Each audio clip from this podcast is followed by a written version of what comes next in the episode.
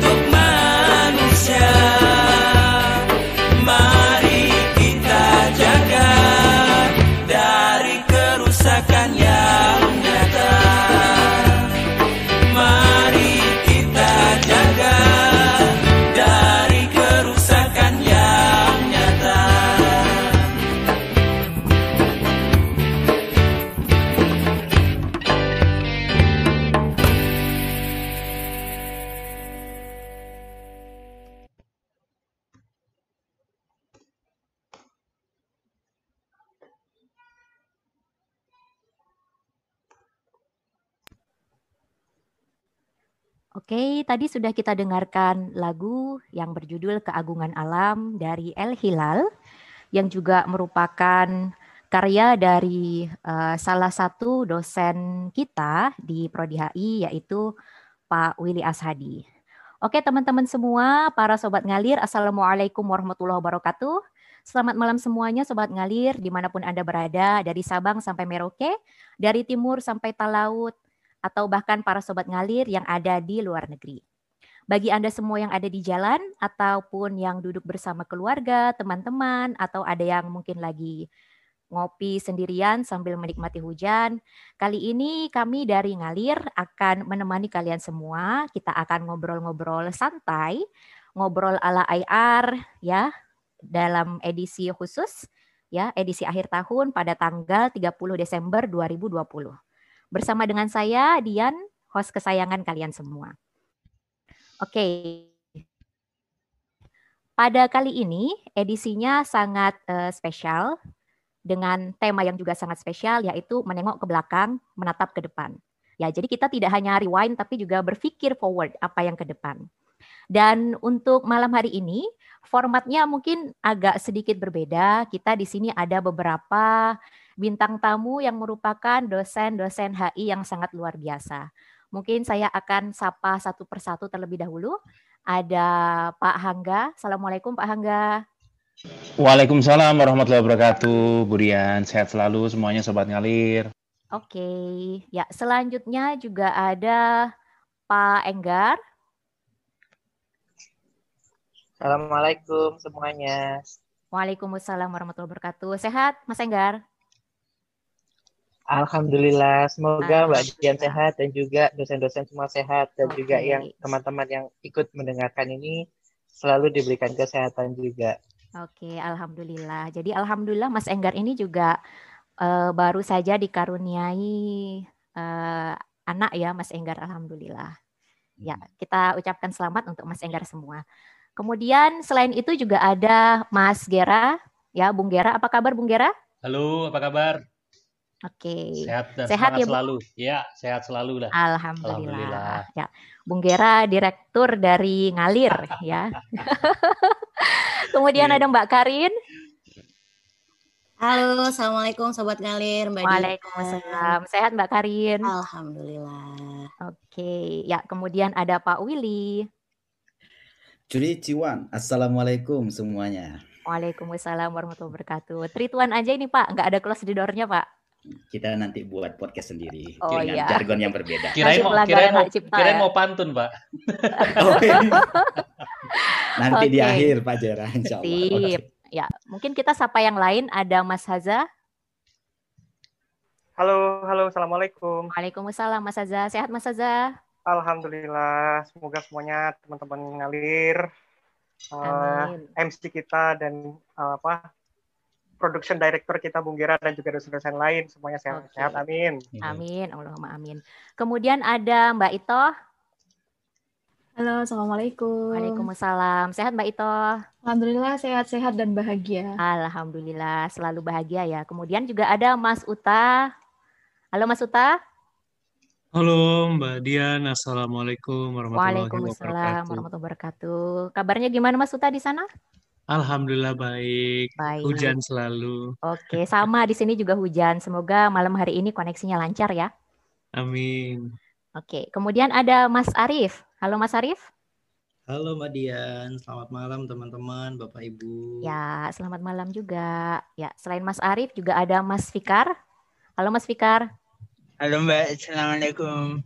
Waalaikumsalam. Sehat Mas Fikar? Alhamdulillah sehat Mbak. Semoga yang lain juga sehat. Ya, kemudian ada yang jauh-jauh dari Australia nih. Kita sapa Pak Jati. Assalamualaikum Pak Jati. Oh, Waalaikumsalam Mbak Dian. Alhamdulillah. Ya, gimana kabarnya Pak Jati? Sehat di sana? Alhamdulillah kami semua sehat di sini, Mbak. Oke. Ya, di samping itu juga ada Mbak Diah di sini. Halo Mbak Diah. Mungkin bisa sapa sedikit. Dan juga ada Inov ya, yang menemani kita pada ngalir edisi ke-16 pada 30 Desember 2020 ini. Oke.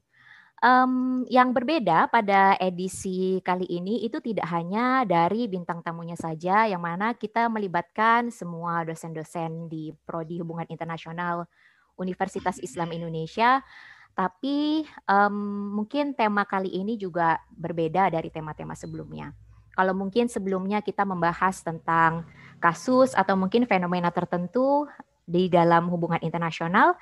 Tapi kalau ini kita akan membahas bahasan yang lebih luas dan juga lebih santai. Kita akan membahas mungkin mulai dari uh, yang berkaitan dengan uh, politik terlebih dahulu, baik internasional ataupun domestik, kemudian pencapaian pribadi, kemudian refleksi dan juga harapan, ya, yang uh, kita harapkan untuk satu tahun ke depan. Oke, kemudian tak lupa mengingatkan bagi sobat ngalir sekalian, oh mohon maaf ada yang kelupaan. Ya, kita sapa Mbak En. Halo, Assalamualaikum Mbak En. Waalaikumsalam warahmatullahi wabarakatuh. Sehat-sehat Mbak En.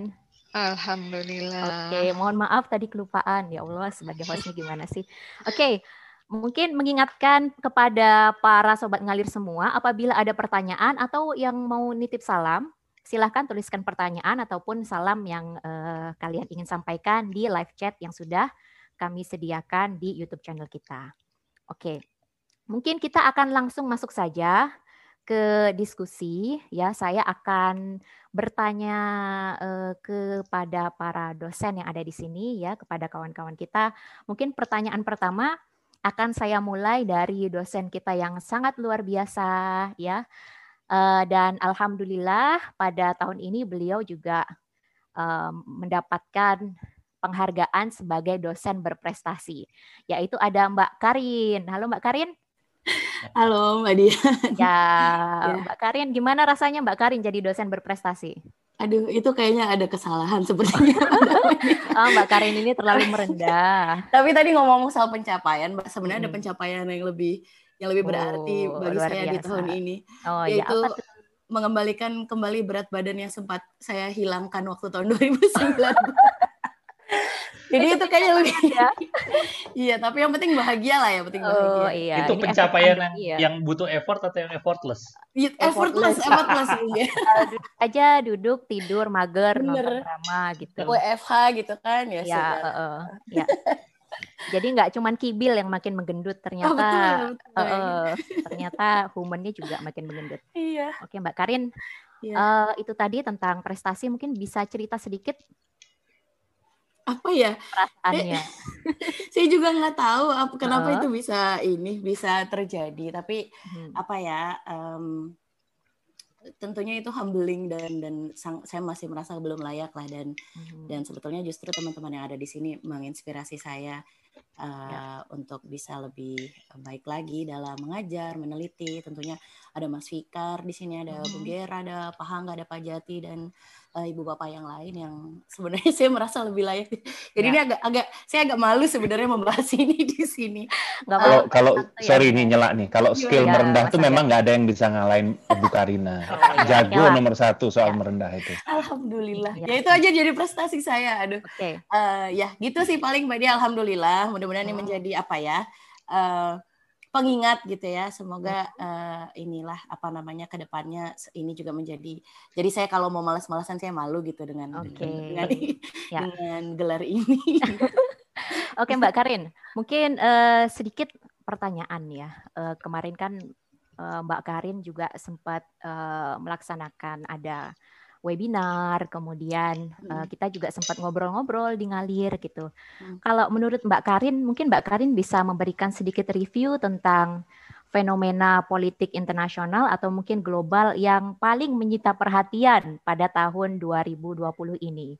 Iya. Silakan Mbak Karin sedikit saja saya singkat aja ya dan ini nanti mungkin ya. akan dibahas lebih lanjut ke teman-teman yang pasti COVID-19 ya tentu ya. tidak kita nggak mungkin itu, selain, selain itu selain itu saya ngomongin ini aja lah fokus studi saya di uh. uh, ini tahun yang penting buat Amerika Serikat ya Amerika Serikat sebagai minat studi saya ini tahun pemilu kemudian dari konteks COVID-19 juga Amerika mengalami pukulan yang cukup berat ya menjadi negara yang korban jiwanya paling besar sekitar 300 mm-hmm. ribu orang meninggal dunia karena COVID-19. Tidak hanya itu juga, bahkan di awal tahun sebelum COVID-19 ini menjadi pandemi kan, teman-teman mungkin ingat apa sempat hampir perang dunia ketiga nih antara yeah, yeah. Uh, Amerika karena apa namanya uh, terbunuhnya apa Soleimani, kemudian juga ada Black Lives Matter di Amerika. Jadi menurut saya ini 2020 buat Amerika sebagai tadi lagi-lagi uh, minat studi saya mm-hmm. merupakan tahun yang cukup remarkable gitu dan hmm. dan dan apa ya ke depannya semoga ini jadi catatan ya ini catatan kelam buat Amerika ya, ya. ada eh, harapan juga okay. itu aja mungkin Median kelamaan ya.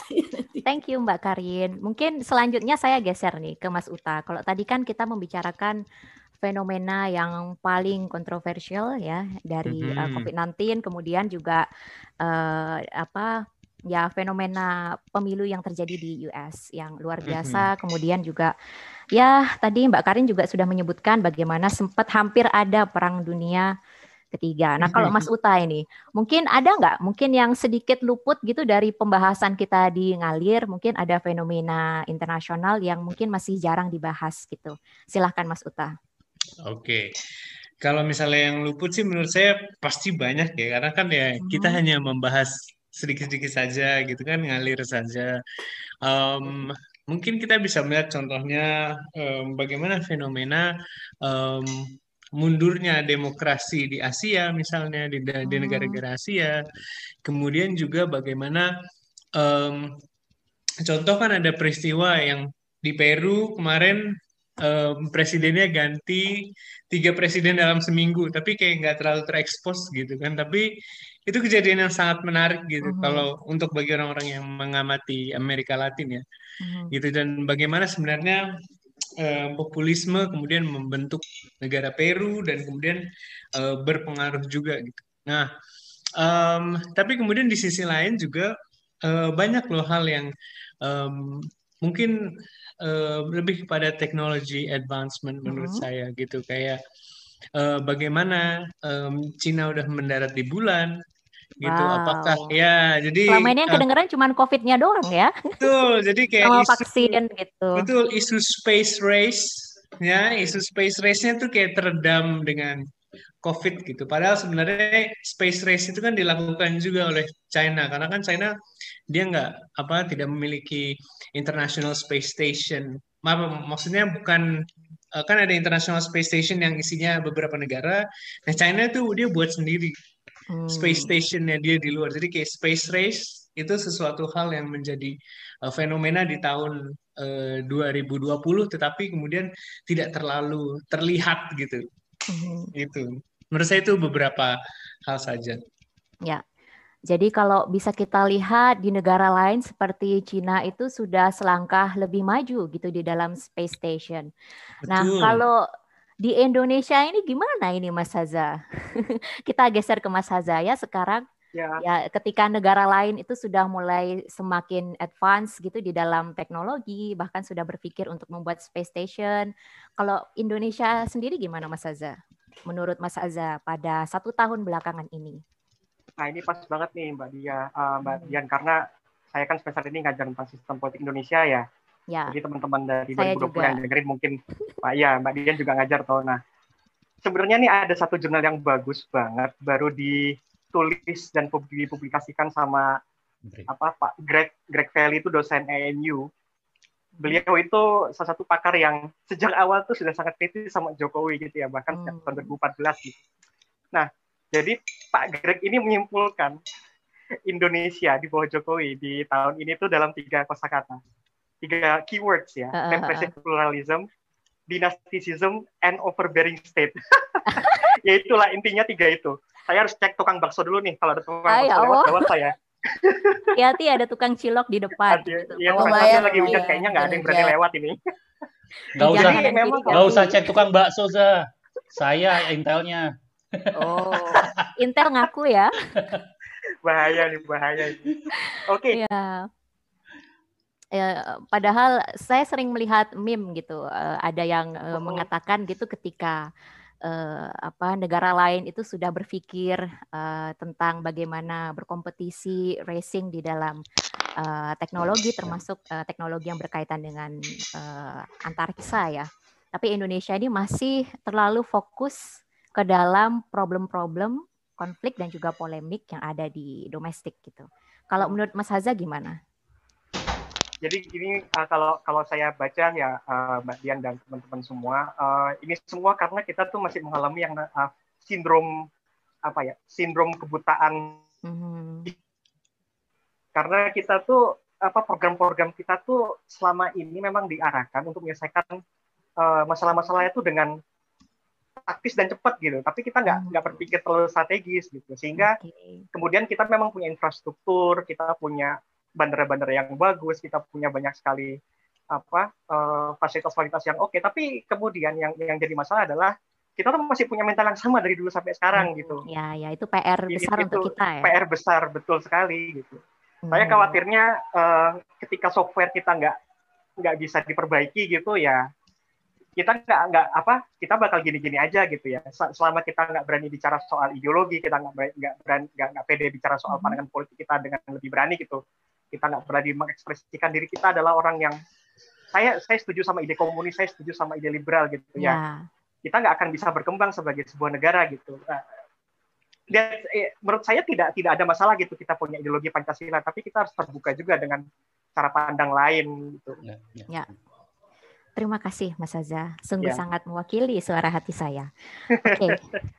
mungkin uh, kita akan beralih sedikit ke pembahasan tentang pandemi ya seperti yang kita ya lihat belakangan ini termasuk juga adanya ngalir ya ngalir itu juga uh, pertama kali ya kalau uh, tidak salah ya itu juga uh, diinisiasikan ketika eh, awal-awal pandemi ya. Nanti mungkin Mas Gera bisa mengkoreksi saya gitu kalau salah, saya salah.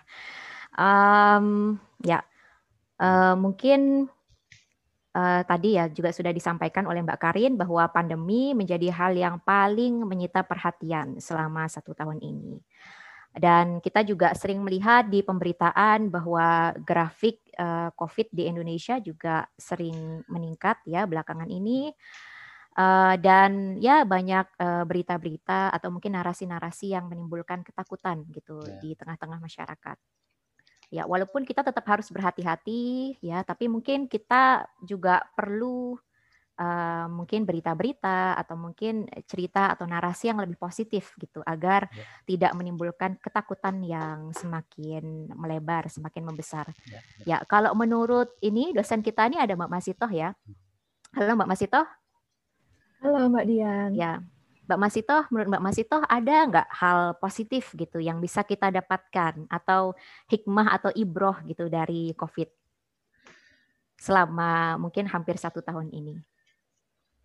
Um, kalau menurut saya sih selalu ada hikmah dari setiap kejadian Mbak Dian. Um, selama COVID nih kita jadi saling apa namanya ya? Sal harus saling memahami gitu dalam arti bahwa da, uh, di kondisi yang serba terbatas ini kita uh, harus memaklumi gitu bahwa setiap orang itu pasti pastinya punya kekurangan gitu ketika dalam melakukan sesuatu, ketika dalam berinteraksi gitu, dan kita pun juga demikian gitu. Hmm. Terutama ketika interaksi kita nggak bisa langsung itu um, pastinya ada banyak apa ya hal-hal yang mungkin um, bisa menjadi faktor yang menghambat komunikasi kita gitu. Jadi selama COVID ini um, saya pada pada khusus, khususnya belajar untuk menerima keadaan um, gimana ya dengan lapang dada gitu kalau dari yes, saya. Luar biasa. Sabar menerima dengan lapang dada. Ya, apa Mbak yang bikin lapang dada, Mbak? apa ya? Um, karena gini Mbak Dian. Mm -hmm kita kita itu nggak selalu bisa memaksakan sesuatu sesuai kehendak kita dan di COVID-19 ini kita belajar bahwa uh, terkadang sesuatu itu di luar kendali gitu. Jadi ya ya mau bagaimanapun kita tetap harus bisa berdamai, berdamai dan tetap berprogres gitu Mbak Dian. Jadi mungkin hmm. strategi kita berprogres harus diubah gitu, diadaptasikan gitu dengan kondisi yang ada saat ini gitu Mbak Dian um, cara belajar mungkin uh, ritme bekerja gitu uh, cara berekreasi dan seterusnya hmm. cara berekreasi gimana mbak ya mungkin gini ya apa namanya ini ini rada-rada tricky dalam arti uh, uh, uh. bahwa um, apa namanya kita lihat misalnya kebijakan pemerintah ad, sempat ada PSBB kemudian hmm. ada stimulasi untuk uh, datang ke tempat pariwisata dan seterusnya itu membuat semacam kebingungan kan ya di antara masyarakat gitu hmm. um, tapi dalam arti kita harus melihat dari apa namanya uh, tidak hanya melihat dari sisi yang sektoral. Maksudnya gini, ketika kita mengutamakan misalnya ekonomi, ada hal lain yang harus dipertimbangkan, misalnya okay. kesehatan gitu, uh, misalnya lingkungan gitu, Mbak Dian.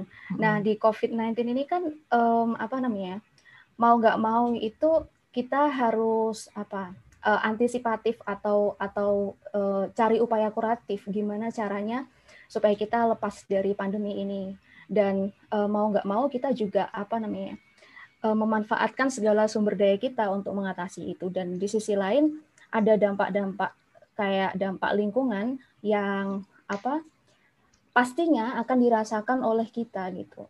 Hmm. Misalnya dengan adanya COVID ini kita jadi lebih banyak uh, menimbulkan sampah medis gitu ya. Hmm, Tapi di ya, sisi ya, lain mungkin um, apa namanya seperti saya, yang saya katakan tadi kita kita itu mungkin cara rekreasinya jadi beda ya. Kalau dulu kita datang ke tempat wisata, sekarang hmm. rekreasinya lewat YouTube, podcast itu lebih ya. banyak misalnya ya. Um, di sisi lain alam itu recovery gitu Mbak Mbak Dian. Ya. Tapi uh, di sisi lain um, alam juga menanggung akibat dari um, disaster ini gitu. Hmm. Tapi juga ada ini Mbak Dian, hmm. um, apa namanya di COVID ini ada ada semacam harapan gitu ya. Uh, kita sempat mengalami yang namanya penurunan uh, level emisi karbon sebanyak sekitar 17% secara global hmm. di bulan Luar biasa ya. April kemarin iya. Um, ya ya itu kayak semacam nggak ada effort sih sebenarnya karena hmm. ekonomi lumpuh gitu aja sih ya. sebenarnya. Yeah. Um, tapi ya itu. Setelah ini bakal bakal bisa bertahan atau enggak? Hmm. Ya, mungkin justru itu PR besar bagi para uh, kita termasuk juga para ilmuwan mungkin ya Mbak Masitoh ya. Bagaimana uh, menciptakan ekonomi yang mungkin lebih ramah terhadap lingkungan gitu ya justru dari pandemi ini kita uh, dipaksa untuk beradaptasi sehingga muncul beragam ide. Oke, terima kasih Mbak Masito, sangat menarik tadi. Uh, kemudian uh, selanjutnya kita akan bertanya kepada salah satu dosen yang alhamdulillah ya tadi masih berkaitan dengan COVID juga.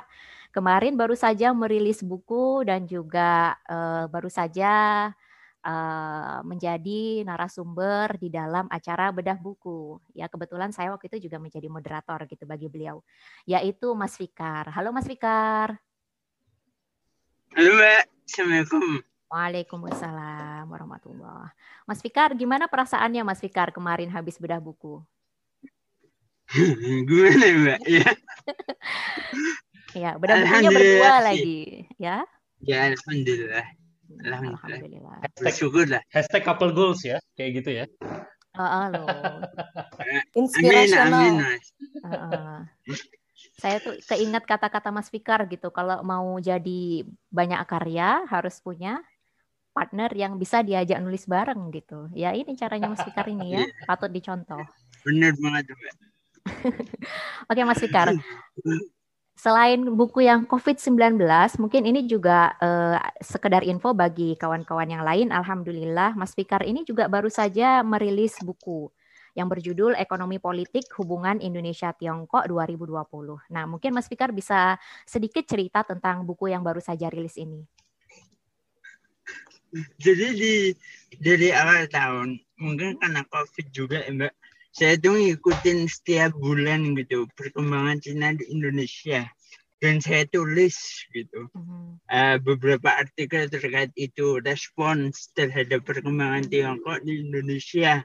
Dan artikel-artikel itu akhirnya saya kumpulkan gitu di akhir tahun ini. Dan alhamdulillah bisa jadi buku. Dan tentunya ini juga tidak lepas dari peran istri saya dan juga beberapa mahasiswa yang membantu Ya, satu bisa disebut Mas Fikar? Dimas, satu alumni uh, angkatan 2016 Dimas, ya. kemudian dua, Selamat Dimas. Uh, beberapa beberapa mahasiswa 2018 ada hmm. Fuad, ada Habib, ada Yeta.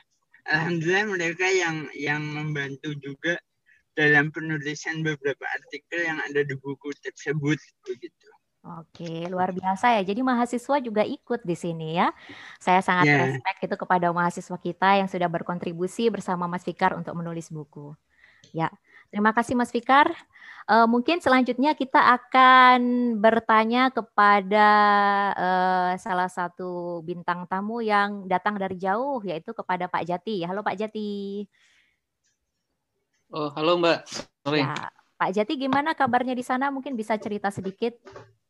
Uh, ya, secara umum alhamdulillah Australia uh, terutama juga di apa namanya negara bagian ini apa Queensland itu kita alhamdulillah sudah relatif aman dari COVID ya. Jadi per hari ini itu hanya ada tambahan dua kasus itu pun dari foreign traveler yang ada di hotel karantin gitu. Yang alhamdulillah sudah tidak ada lagi apa uh, infeksi di level masyarakat. Oke. Kira-kira apa yang Indonesia bisa pelajari dari Australia, Pak Jati?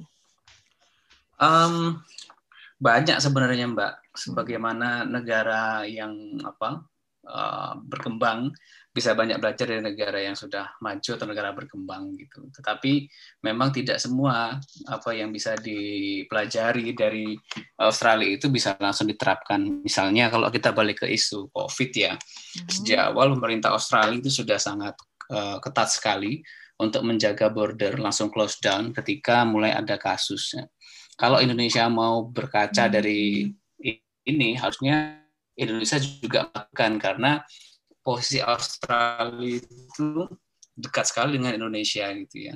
Tapi kan tidak bisa dilakukan karena pertimbangannya macam-macam. Pertama ya karena denial, ignorant dan juga ya. lebih pada memperhitungkan apa namanya kepentingan ekonomi dibanding kepentingan kesehatan. Nah, tidak demikian di Australia ini. Jadi uh, pemerintah Australia berani mengambil tindakan walaupun memang konsekuensi ekonomi ke dalam dan keluarnya itu uh, terasa juga ya gitu. Hmm. Oke. Okay. Ya, terima kasih dari uh, untuk Pak Jati ya. Uh, mungkin sobat ngalir semua, setelah ini kita akan mendengarkan hiburan ya. Kita ada jeda sebentar yaitu ada uh, lagu ya High Hopes dari Kodaline yang di cover oleh Alam Fajrul. Oke, sobat ngalir semua, selamat mendengarkan.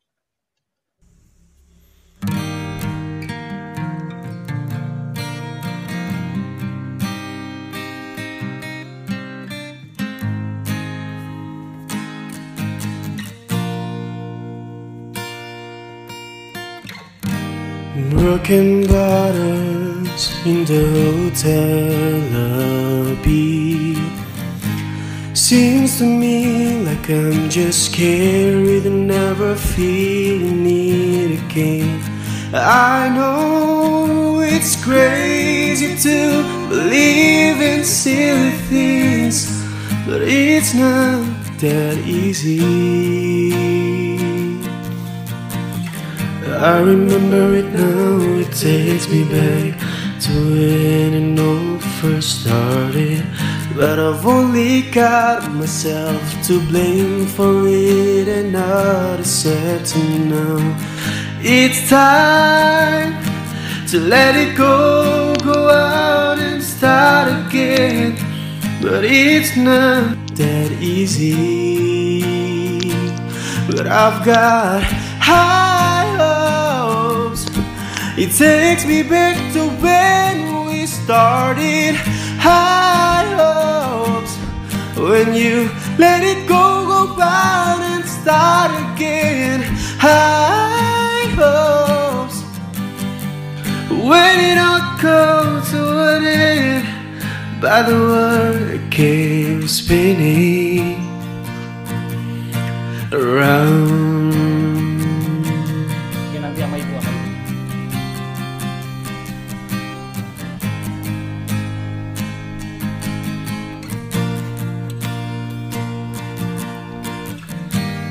In my dreams I meet the ghosts of all the people who've come and gone Memories that seem to show up so quick but they leave you far too soon.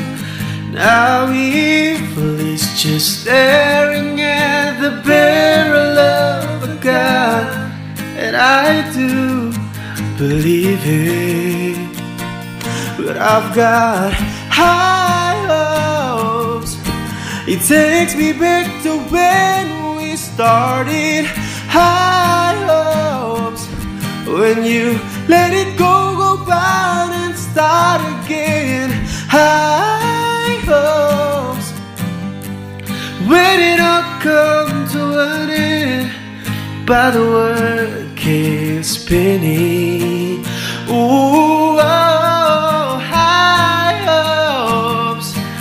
takes me back to when we started. High hopes when you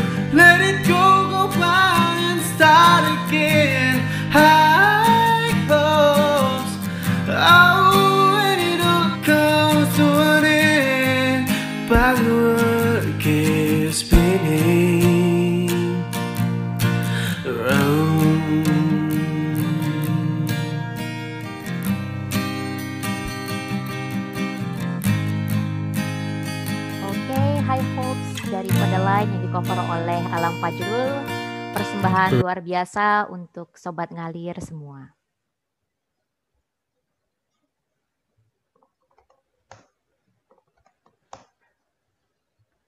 Oke, okay. ya tadi cover yang luar biasa dari Alam Fajrul uh, dan lagunya juga Eh, sangat-sangat uh, cocok untuk situasi kita pada saat ini ya ada high hopes ada harapan yang ya harapan yang luar biasa untuk uh, kita dari HIUII pada satu tahun ke depannya. Oke, mungkin lanjut saja kita ke pertanyaan bagi uh, Bapak Ibu para dosen yang mungkin belum sempat kita tanya-tanya di sini, tapi mungkin saya ingin mengingatkan Eh, bagi teman-teman sekalian, para sobat ngalir, apabila ada yang ingin bertanya, silahkan tuliskan pertanyaan di live chat yang ada di YouTube channel kita. Oke. Mungkin pertanyaan selanjutnya untuk Kaprodi kita yaitu Pak Hangga. Assalamualaikum Pak Hangga.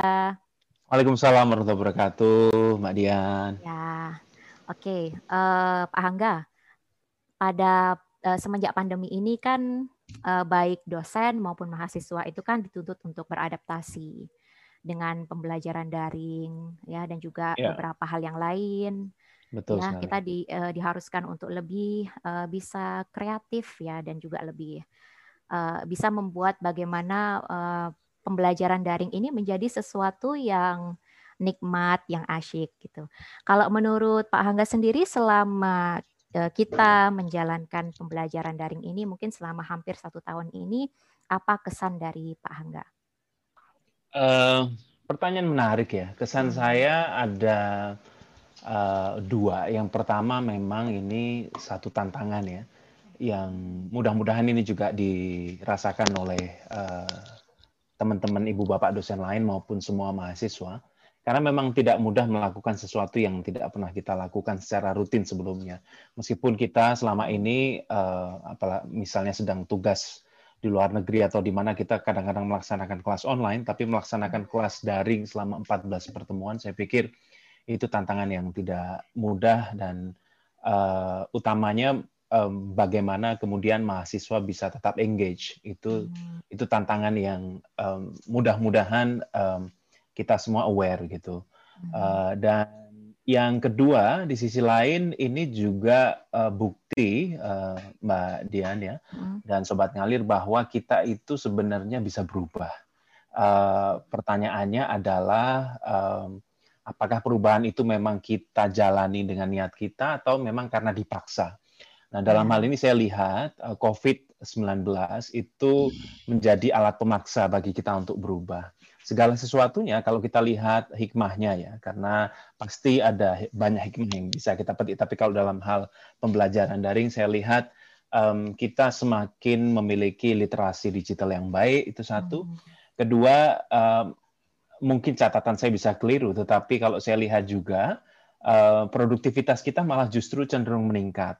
Hmm. karena beberapa pertemuan yang tadinya hanya bisa dilaksanakan secara luring menurut kita dulu gitu ya kita mungkin hanya bisa punya uh, tiga appointment, uh, tiga apa katakan tiga uh, janji dalam satu hari begitu kita jadi bisa punya banyak aktivitas dalam satu hari di luar ngajar misalnya uh, ataupun termasuk di dalam ngajar kita juga uh, dituntut untuk kemudian bisa uh, apa berinovasi ya saya pikir ya. Dengan adanya misalnya kalau kita bicara fasilitas di UI ya kita mulai dengan Zoom ya uh, adanya breakout room, saya pikir uh, sebagian mahasiswa mungkin menyukai itu gitu. Adanya panopto ya, uh, sebagian mahasiswa juga barangkali senang dengan itu karena uh, apa memperhatikan uh, apa cara mengajar dosen seperti baca buku gitu. Ada semacam daftar isi yang tinggal diklik-klik begitu dan mereka tinggal uh, apa namanya menyaksikan gitu. Itu itu hal uh, kedua ya, saya pikir yang mungkin berkah tersamar yang bagaimanapun um, kita saya catat uh, patut untuk mensyukurinya. Oke, ya luar biasa refleksi dari Mas Angga. Kalau ke depannya apa harapan Mas Angga? Uh, harapan kita semua Mbak tentunya ya bahwa hmm, pandemi ya. ini segera berakhir gitu. Uh, meskipun kita tahu uh, apa sore tadi saya mendapatkan informasi terakhir bahwa uh, angka positif di Jogja cenderung meningkat. Nah, salah satu yang tertinggi nampaknya hari ini 296 orang gitu. Hmm. Artinya uh, sesuai dengan pengumuman dari Rektor Universitas Islam Indonesia juga bahwa pembelajaran uh, di UII pada semester depan juga masih daring.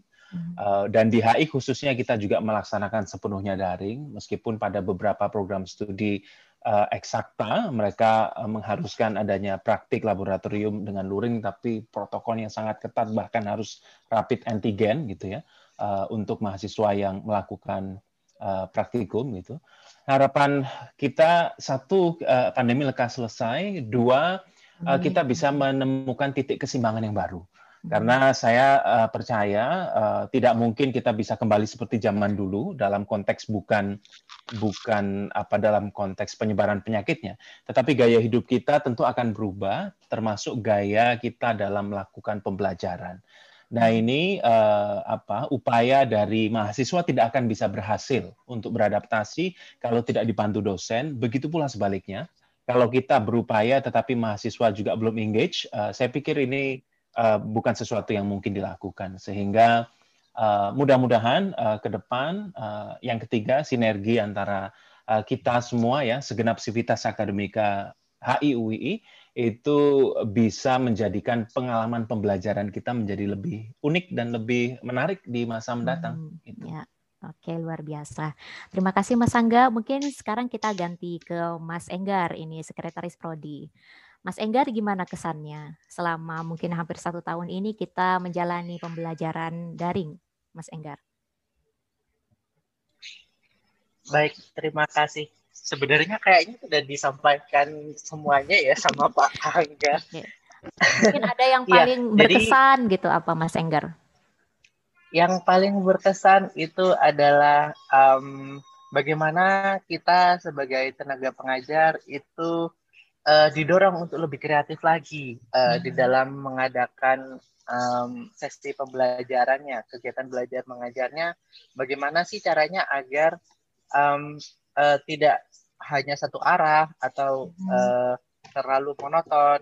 Uh, mungkin dosen-dosen uh, juga uh, sudah mulai uh, mencoba cara-cara kreatif. Tadi Pak Hangga sudah menyebutkan ada menggunakan uh, panopto uh, seperti itu atau ada beberapa yang membuat uh, breakout hmm. room untuk diskusi uh, ada yang uh, membuat um, uh, apa itu namanya uh, paper online secara bersama-sama ataupun ada yang membuat uh, poster dan lain sebagainya yang mana itu itu membuat uh, kita berusaha untuk menjadi lebih kreatif lagi mm-hmm. dan um, satu kesan lagi uh, di sini ada kesempatan unik yang bisa didapatkan oleh mahasiswa selama pandemi Apa yaitu itu Mas Enggar? Uh, bisa belajar dengan waktu yang lebih fleksibel terutama oh, ya, untuk uh, pertemuan-pertemuan asinkron. Jadi hmm. kalau yang ngerasa uh, lebih bisa fokus di tengah malam bisa akses materinya di tengah malam umpamanya ataupun sebaliknya ada yang uh, lebih suka uh, begitu bangun uh, langsung akses. Uh, ini merupakan sesuatu yang uh, sangat susah sekali ditemui uh, hmm. saat kelas-kelas sebelum pandemi. Tentu ini bukan berarti uh, kita berharap pandeminya berjalan terus ya, karena uh, kita juga berharap pandemi ini agar uh, bisa segera berakhir. Walaupun ya tadi sudah disampaikan oleh Pak Hangga bahwa uh, data terkait uh, peningkatan uh, penyebaran COVID itu bukan semakin melambat tapi semakin cepat. Yang uh, semoga ini tidak ada uh, dari kita semua dari uh, sobat ngalir yang um, uh, terkena dan semoga kita semua juga tetap diberikan kesehatan selalu. Ya, amin, amin, ya alamin. Terima kasih Mas Enggar. Oke, Tadi ngomong-ngomong soal kreativitas dalam belajar dan juga mengajar ya selama pembelajaran daring ini, uh, saya pengen tahu ini pengalaman mungkin dari salah satu dosen kita atau mungkin salah dua ya tentang bagaimana uh, sebagai seorang dosen itu dituntut untuk lebih kreatif, membuat kelas lebih seru. Mungkin saya mulai dari Mas Arief terlebih dahulu Silakan Mas Arief mungkin bisa iya. share pengalamannya. Uh, pengalaman mengajar ya Mbak, hmm. biar teman-teman lebih engage ya, ya. ceritanya ya. Uh, ini mungkin saya sekalian aja, cerita aja. Kebetulan saya mengampu satu mata kuliah yang judulnya Hukum Humanitar Internasional, okay. dan ini saya pikir adalah satu bagian dari mengajar, satu seni dari mengajar di mana kita uh, menganggap bahwa kita melihat bahwa dan belajar itu adalah sebuah proses interaksi sosial antara dosen dan mahasiswa gitu. Dan di dalamnya berusaha melibatkan emosi uh, ini, ini saya melihat bahwa teman-teman punya gairah untuk belajar ketika mereka punya ketertarikan betul. Nah, itu yang kemudian saya bawa ke mata kuliah humanitas internasional uh, di mana teman-teman uh, selain kreatif tapi juga memicu kreativitas itu berasal dari aspek-aspek uh, yang sebenarnya kita bisa temukan di internet. -hmm dan itu menjadi sangat mudah dengan kondisi kita belajar yang seperti sekarang ini gitu ada YouTube dan kemudian mereka dikenalkan dengan kasus-kasus dengan film-film yang uh, jujur saja mbak ya karena internasional itu isinya genosida ya. jadi uh, rasa miris rasa uh, emosio em, ras, kita menggali emosi teman untuk dibawa kemudian jadi modal motivasi teman-teman untuk untuk untuk belajar. Itu yang kemarin sebenarnya hmm. sedikit apa ya mungkin tapi nggak uh, ada yang takut Mas Arya waktu nonton video-video gitu. Uh, saya yang takut kan oh Mas Arya yang takut ya soalnya saya pernah uh, melakukan hal yang hampir sama gitu di mata kuliah hukum internasional gitu. Ada mahasiswa yang aduh ngeri gitu tutup tutup mata gitu. Uh, ya. Mas Arief yang takut ya, yeah. tapi uh, cukup ini ya me, me, apa namanya mengeluarkan emosi dari apa para mahasiswa ya Mas Arief ya. Betul, karena saya yakin hanya teman-teman punya apa ya uh, uh, apa ya ras punya perasaan hmm. apa ya iba punya perasaan yang uh, mendalam terkait hmm. apa ya apa apa yang dalam kehidupan sosial betul betul ya. betul Oke, okay. ya luar biasa. Itu tadi dari Mas Arief. Kalau dari Mbak En, gimana Mbak En? Mungkin bisa cerita baik itu best practice di kelas Mbak En atau mungkin hambatan dan juga tantangan selama uh, menjalani proses belajar mengajar selama pandemi ini. Mbak En? Oke, okay. uh, eh, terima kasih Mbak Dian uh, atas kesempatannya uh, sudah banyak tadi teman-teman yang share terkait bagaimana kemudian uh, apa manajemen kelas karena memang pandemik ini kita tidak bagaimanapun um, ketika daring itu kita tidak berinteraksi secara langsung walaupun uh, kelihatan wajahnya dari dari uh, layar begitu tetapi tetap beda rasanya ketika kita di kelas. Hmm. kita bisa ngelihat keadaannya. Karena kan sebenarnya tatap muka di kelas itu kan kita juga bisa me, apa ya menjalin bonding yang yang uh, apa yang cukup uh, erat dengan mahasiswa, bagaimana uh, kita kemudian uh, bisa berempati kepada manusia, uh, kepada mahasiswa kita begitu. Ini yang yang yang uh, menjadi tantangan, apalagi ketika mengajar mahasiswa baru ya, yang betul. kita sama sekali belum, belum pernah, pernah ketemu. ketemu betul. Hmm. Kalau angkatan uh, ya mungkin Mbak Dian juga merasakan karena ya. mengajar angkatan baru begitu dan saya sangat empati sekali kepada mereka karena belum pernah uh, berinteraksi secara langsung dengan uh, dosen-dosennya, dengan teman-temannya dan mungkin juga uh, banyak keluhan-keluhan karena hmm. ini sesuatu yang yang apa baru sekali bagi mereka uh, harus harus uh, menghadapi situasi seperti ini, kemudian harus memahami uh, materi juga yang yang uh, baru bagi mereka. Ini ini menjadi apa ya? Menjadi uh, catatan penting yang harus uh, apa namanya membuat kita memperbesar empati kita terutama untuk hmm. apa mahasiswa baru begitu.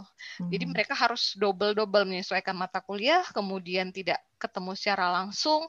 Tapi hmm. masya Allah saya sendiri merasakan uh, karena kalau dari dari mungkin teman-teman yang lain juga merasakan uh, dan mengamati setiap angkatan itu kan berbeda berbeda karakter. Betul. Um, ada yang ada yang begini, ada yang begini begitu ya, dan itu bisa kita lihat uh, kita potret secara uh, keseluruhan begitu. Mm-hmm. Dan yang membuat saya cukup uh, gembira mungkin Mbak Mbak Dian juga merasakan atau teman-teman yang mengajar angkatan 2020 ya ternyata mereka sangat-sangat antusias sekali begitu. Yeah. Ini yang yang Masya Allah saya sendiri merasa bahwa ini uh, kabar baik uh, untuk untuk saya sebagai dosen ternyata anak-anak uh, anak-anak angkatan baru ini punya semangat yang tinggi. Bahkan uh, saya juga mengikuti jejaknya Mas uh, Mas Fikar ya untuk uh, apa namanya me, me, memberikan motivasi kepada mahasiswa uh, dan mengingatkan diri saya sendiri juga untuk uh, apa namanya kalau 2020 begitu ya angkatan 2020 kalau misalnya mereka uh, membuat tulisan di mm-hmm di apa di uh, media elektronik atau media cetak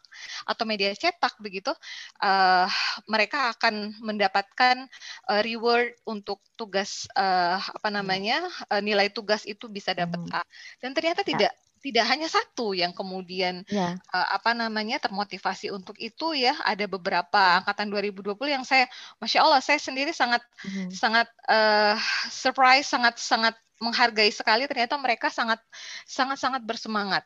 Hmm. Kemudian um, tantangan yang berikutnya adalah bagaimana kemudian kita me ya apa namanya memastikan bahwa mereka karena kan seolah-olah ketika kita mengajar itu kan kita ngomong dengan uh, apa ya tidak secara langsung kayak ngomong hmm. sendiri begitu dan ya. kita juga harus memastikan kalau mereka tetap uh, karena kan bisa jadi kalau anak kalau meme-nya itu kan kalau anak zaman dulu uh, apa minggatnya itu kan melompat pagar begitu ya. Mm-hmm. sekarang itu kan uh, ngidupin uh, Zoom begitu terus ditinggal tidur ya. Oh iya. Ditinggal ke warung nah segala macem itu uh, ya itu tantangan tersendiri ya. Jadi bagaimana kemudian kita pastikan mereka tetap uh, stay di sana ya walaupun uh, mengusahakan tetap mencoba mengingatkan mereka semua ya untuk tetap menghidupkan uh, apa namanya uh, kameranya on cam kemudian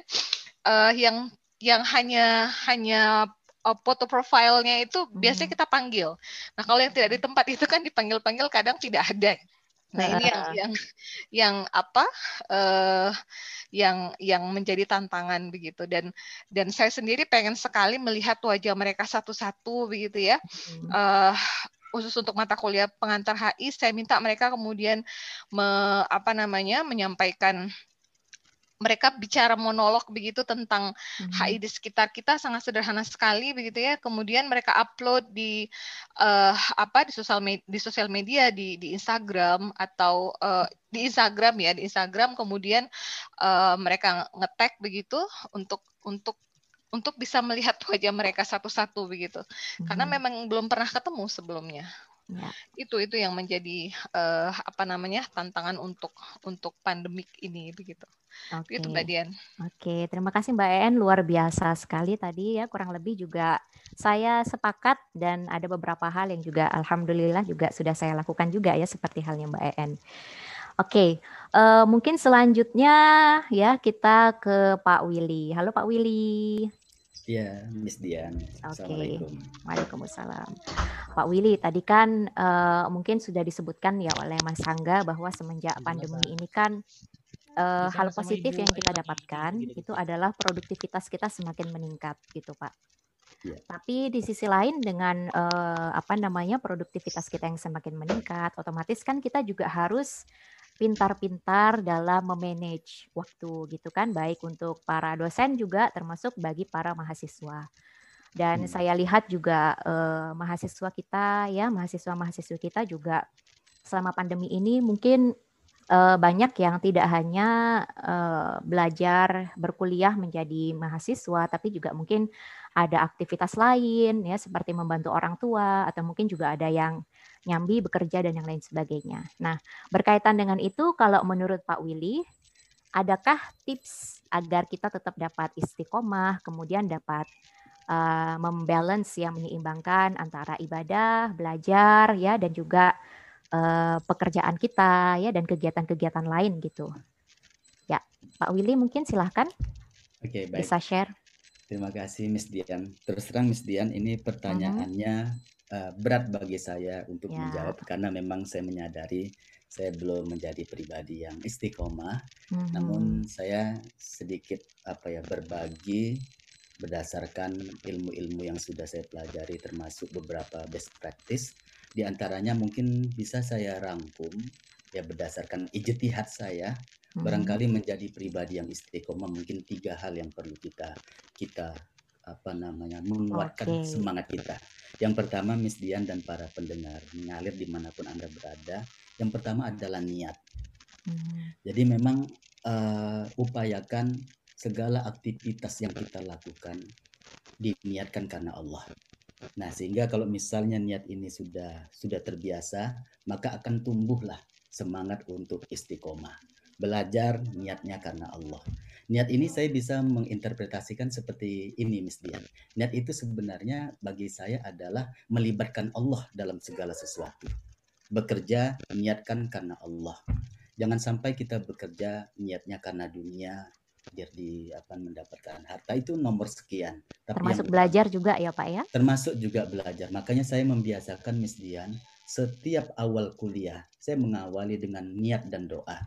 Saya ajak mahasiswa untuk senantiasa melibatkan Allah dengan cara membaca doa. Roditu billahi robba. Ya Allah, aku ridho Engkau adalah Tuhanku. Wabil islami dina. Dan Islam adalah agamaku. Wabi Muhammadin. Dan Nabi Muhammad adalah nabiku.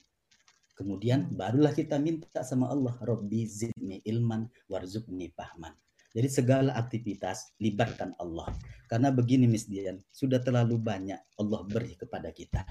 Hidup ya. sudah Allah beri, kesehatan Allah juga beri. Ini sedikit pandemi saja Allah beri kepada kita, kita sudah mulai. Sekarang saya sudah saya sekarang berpikir seperti ini Miss Dian dan para pendengar ngalir di mana pun Anda berada. Uh, saya Alhamdulillah SD, SMP, SMA dapat rezeki dari Allah dengan meraih juara kelas. Kemudian ketika kuliah Allah beri saya bisa kuliah gratis, dapat beasiswa. Kemudian Allah Allah beri juga yang luar biasa saya diberi kesempatan bisa mengabdi di Universitas Islam Indonesia. Nah, hmm. sekarang saya berpikir kapan saya akan memberikan kepada Allah. Nah, jadi diawali dengan niat. Insya hmm. Allah kalau misalnya niat ini baik, maka nanti istiqomah itu akan hadir. Yang kedua, Miss Dian adalah ilmu. Hmm. Nabi Muhammad SAW sampai tiga tahun ya mendapat ilmu sebelum menyampaikan dakwah ajaran Islam kepada masyarakat. Jadi tiga tahun itu mungkin kalau misalnya kita analogikan lulus S1 jadi hmm. Nabi lulus S1 itu tiga tahun itu. Setelah itu baru ada perintah untuk menyampaikan ajaran ini kepada umatnya secara terang-terangan. Sebelumnya selama tiga tahun Nabi itu belajar, belajar terus, belajar terus. Makanya saya memotivasi kepada students kita, belajarlah sampai the last of breath, sampai akhir ayat. Tapi tadi ketika kita belajar, niatkan karena Allah. Dan yang ketiga, Miss Dian, adalah ya. tawakal kepada Allah segala sesuatu yang sudah kita lakukan kita niatkan kepada Allah berdasarkan dan berlandaskan ilmu kemudian kita serahkan semua kepada Allah kalaulah ini sudah kita lakukan semua maka istiqomah itu akan muncul dalam pribadi setiap manusia. Saya kira itu Mistian yang bisa saya Oke, luar biasa Pak Willy. Oke, sobat ngalir semua jangan lupa dicatat ya. Ada tiga kunci untuk istiqomah dan tetap produktif. Yang pertama niat, ya. Yang kemudian yang kedua adalah ilmu dan ketiga adalah tawakal. Ya, luar biasa. Ini kuat dari Mr. Willy. Thank Oke. Uh, mungkin selanjutnya ada uh, pertanyaan yang akan saya tujukan kepada uh, direktur dari Ngalir, yaitu uh, Bung Gera. Halo Bung Gera. Halo, halo. Iya. Okay. Direktur. Um, Kesannya saya ini apa iya. perusahaan yeah. gitu. Ya. Yang nggak apa-apa kita anggap seperti itu. Oke, sobat ngalir semua, mungkin ini sekilas info bahwa hmm. alhamdulillah ya saya nggak tahu ini kabar gembira tapi juga ada sedikit sedihnya ya. Insya Allah Bung Gera akan lanjut studi ke Belanda dan alhamdulillah Bung Gera juga sudah mendapatkan uh, scholarship dan sebentar lagi akan berangkat. Ya, hmm, mungkin ya, Bung Gera bisa cerita sedikit gitu uh, prosesnya bagaimana, kemudian juga bisa memberikan motivasi kepada kita-kita yang ada di sini dan juga kepada para pendengar uh, sobat ngalir sekalian gitu. Silahkan Bung Gera. Iya, terima kasih. Uh, saya tuh paling nggak bisa memotivasi orang karena saya sendiri harus banyak hmm. dimotivasi ya. Tapi buat saya yang paling penting dari sekedar proses itu adalah sebetulnya uh, ini sih apa uh, mindset ya dari awal bahwa uh, saya selalu percaya sama sama mindset sih. Mindset itu modal awal sih menurut saya. Uh, dari awal mungkin dari dari dari SMA atau SM, SMA lah SMA terus kuliah itu saya selalu uh, punya bayangan bahwa saya itu kalau bisa jadi uh, punya pengalaman paling tidak dalam hidup saya yang mungkin 60 tahun atau nggak tahu berapa tahun itu adalah 10 8 eh, tahun itu saya habiskan untuk untuk untuk tinggal di di luar negeri gitu sebagai bagian dari warga global gitu. Dan itu yang akhirnya secara tidak sadar mendorong saya untuk me, apa ya melangkah sampai misalnya saya bisa bisa uh, sekolah gitu, bisa bisa dapat beasiswa itu kan uh, semerta-merta sebetulnya adalah sebuah uh, apa realisasi dari apa yang sudah saya bayangkan gitu. Hmm. Kalau ditanya apa saya pinter apa enggak, enggak saya. Saya sih enggak pinter. Saya saya bahasa Inggris saya dulu waktu S1 mungkin lebih bag, lebih bagus teman-teman di HIUI daripada bahasa Inggris saya dulu waktu S1. Tapi ya itu tadi bahwa kalau kita sudah ada ada ada ada mindset, sudah ada bayangan, sudah ada proyeksi, otomatis apa yang kita kerjakan itu semata-mata untuk mendukung proyeksi kita. Jadi ketika saya belajar bahasa Inggris, saya nggak sadar bahwa saya sedang melakukan belajar bahasa Inggris gitu. Ketika saya memperbaiki apa kemampuan akademik saya, saya nggak sadar tuh gitu. Karena saya mengerjakan itu eh, hari-hari saya itu digunakan saya untuk mendorong apa yang sudah saya proyeksikan gitu kira-kira. Nah kalau mau mungkin nggak bukan motivasi tapi kalau saya sih berpesan gini kepada teman-teman semua supaya uh, ini kan kita HI ya uh, paling hmm. tidak kita punya lah uh, uh, apa bagian uh, perasaan bagian bahwa kita ini adalah warga global gitu hmm. bahwa arena bermain kita itu sudah bukan lagi berada di level kota kelahiran kita itu sudah harus hmm. lewat gitu. Mungkin kita ber harus berada di main di level nasional atau bahkan di level internasional gitu. Itu hmm. itu itu DNA-nya anak HI itu gitu kira-kira. Hmm. Uh, uh, bukan mengecilkan teman-teman yang mau ber, mengabdi di di kota kelahirannya, monggo silahkan tidak ada tidak ada masalah soal itu. Tapi masa misalnya dari 100% lulusan HI, 100% balik ke tanah kelahirannya kan gitu kan ya bagus sih tapi uh, uh, apa kita kan harus juga ada apa teman-teman kita atau juga lulusan HIWI yang memang uh, apa sudah menjadi bagian dari warga global. Level bermainnya itu adalah level global. Begitu kira-kira. Oke luar biasa. Ya jadi intinya harus punya mindset global. Ya oke. terima kasih Ya, oke. Okay. Terima kasih Mas Gira. Mungkin tadi saya um, belum mendengarkan banyak ya. Tadi mungkin saya hanya tanya sedikit gitu ke uh, Pak Jati ya. Saya pengen tanya lagi nih ke Pak Jati. Pak Jati, apakah masih bersama kita Pak Jati?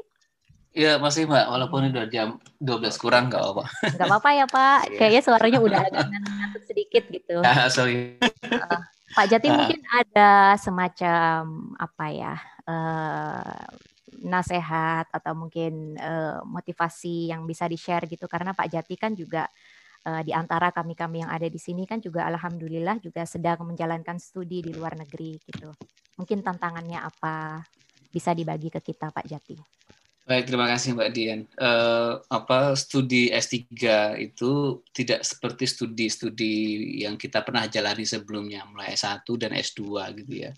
Saya S2 dua kali, uh, itu kayaknya uh, tidak ada apa-apanya dibanding ketika mulai S3. Dan saya cuma ingin mengingatkan bahwa studi S3 itu tidak dimulai pada saat teman-teman sudah sampai ke kampusnya, tetapi sudah dimulai sebenarnya pada saat persiapan Hmm. Jadi dalam pengalaman saya dan saya juga yang dan Mas eh, Fikar juga mengalami langkah pertama itu sudah dimulai ketika misalnya kita mulai berpikir ini mau nanti kalau mau sekolah itu mau riset up karena akan menentukan pilihan ke kampusnya di mana. Nanti akan kita lihat kira supervisor yang cocok siapa. Dan yang paling penting juga adalah membayar sekolah karena ini penting. Karena untuk S3 eh, bukan cuma waktunya yang lama, apalagi kalau mau keluar negeri, biayanya besar. Apakah kita mampu untuk membayar sendiri? Saya pikir sebagai dosen eh, apa namanya susah ya kalau pakai kantong sendiri.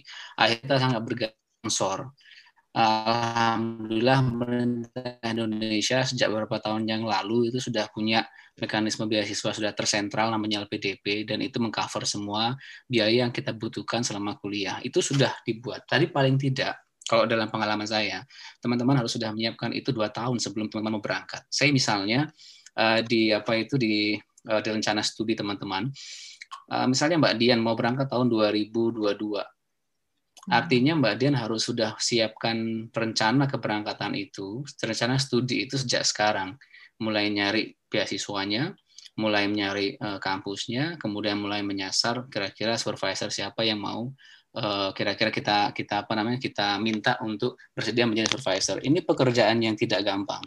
Banyak orang mengulang berkali-kali Mbak untuk apply beasiswa misalnya. Banyak yang beruntung sekali daftar kemudian dapat ya. Setelah kita dapat sponsor, setelah kita dapat kampus, setelah kita dapat apa namanya supervisor, kita berangkat ujiannya banyak. Ya misalnya yang bagi punya keluarga ada pilihan langsung bawa keluarga atau tidak membawa keluarga. Membawa keluarga langsung ada konsekuensinya tidak membawa keluarga langsung juga ada konsekuensinya. Misalnya LPDP sejak tahun 2017 sudah tidak membiayai lagi tidak akan family sejak tahun pertama tapi diberikan di tahun kedua untuk uh, apa uh, program S3 dulu diberikan sejak tahun pertama. Artinya seperti kasus seperti saya, saya sudah bawa keluarga dari tahun pertama. Konsekuensi saya adalah saya harus membiayai kebutuhan keluarga sejak tahun pertama. Dan itu tidak cukup dengan biaya beasiswa. Harus jujur hmm. saja karena uh, living allowance itu sebenarnya settingnya itu hanya untuk single. Nah, kita harus kerja. Nah, kerja ini juga harus diatur karena uh, ini nanti akan berpengaruh ke studi.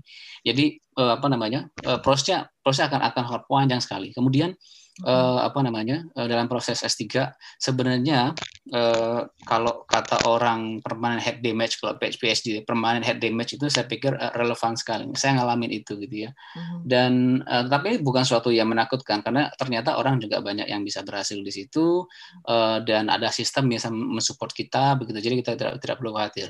Salah satu kuncinya adalah kalau kami teman-teman di sini saling menguatkan ingat PhD uh-huh. itu adalah proses maraton bukan sprint Oke. Okay. Kita hanya butuh speed yang konsisten, tidak usah terlalu cepat, tapi jangan terlalu lambat. Okay. Yang penting kita ikutin prosesnya, nanti sistem akan mendukung, kita akan jalan di situ. Hmm. Saya banyak apa namanya pengalaman misalnya eh, yang cukup berpengaruh juga nanti dalam proses PhD itu adalah uh, style besar. Hmm. Hubungan dia mensupervisi, memberikan apa namanya uh, masukan itu itu sangat berpengaruh dengan hasil yang kita kerjakan. Untuk hmm. yang bagian ini, mudah-mudahan saya bisa bicara panjang besok kalau ada kesempatan khusus untuk ini saya bisa share Mungkin banyak di kesempatan sekali. lain ya Pak ya, Jati. Mungkin di kesempatan ya, lain ya.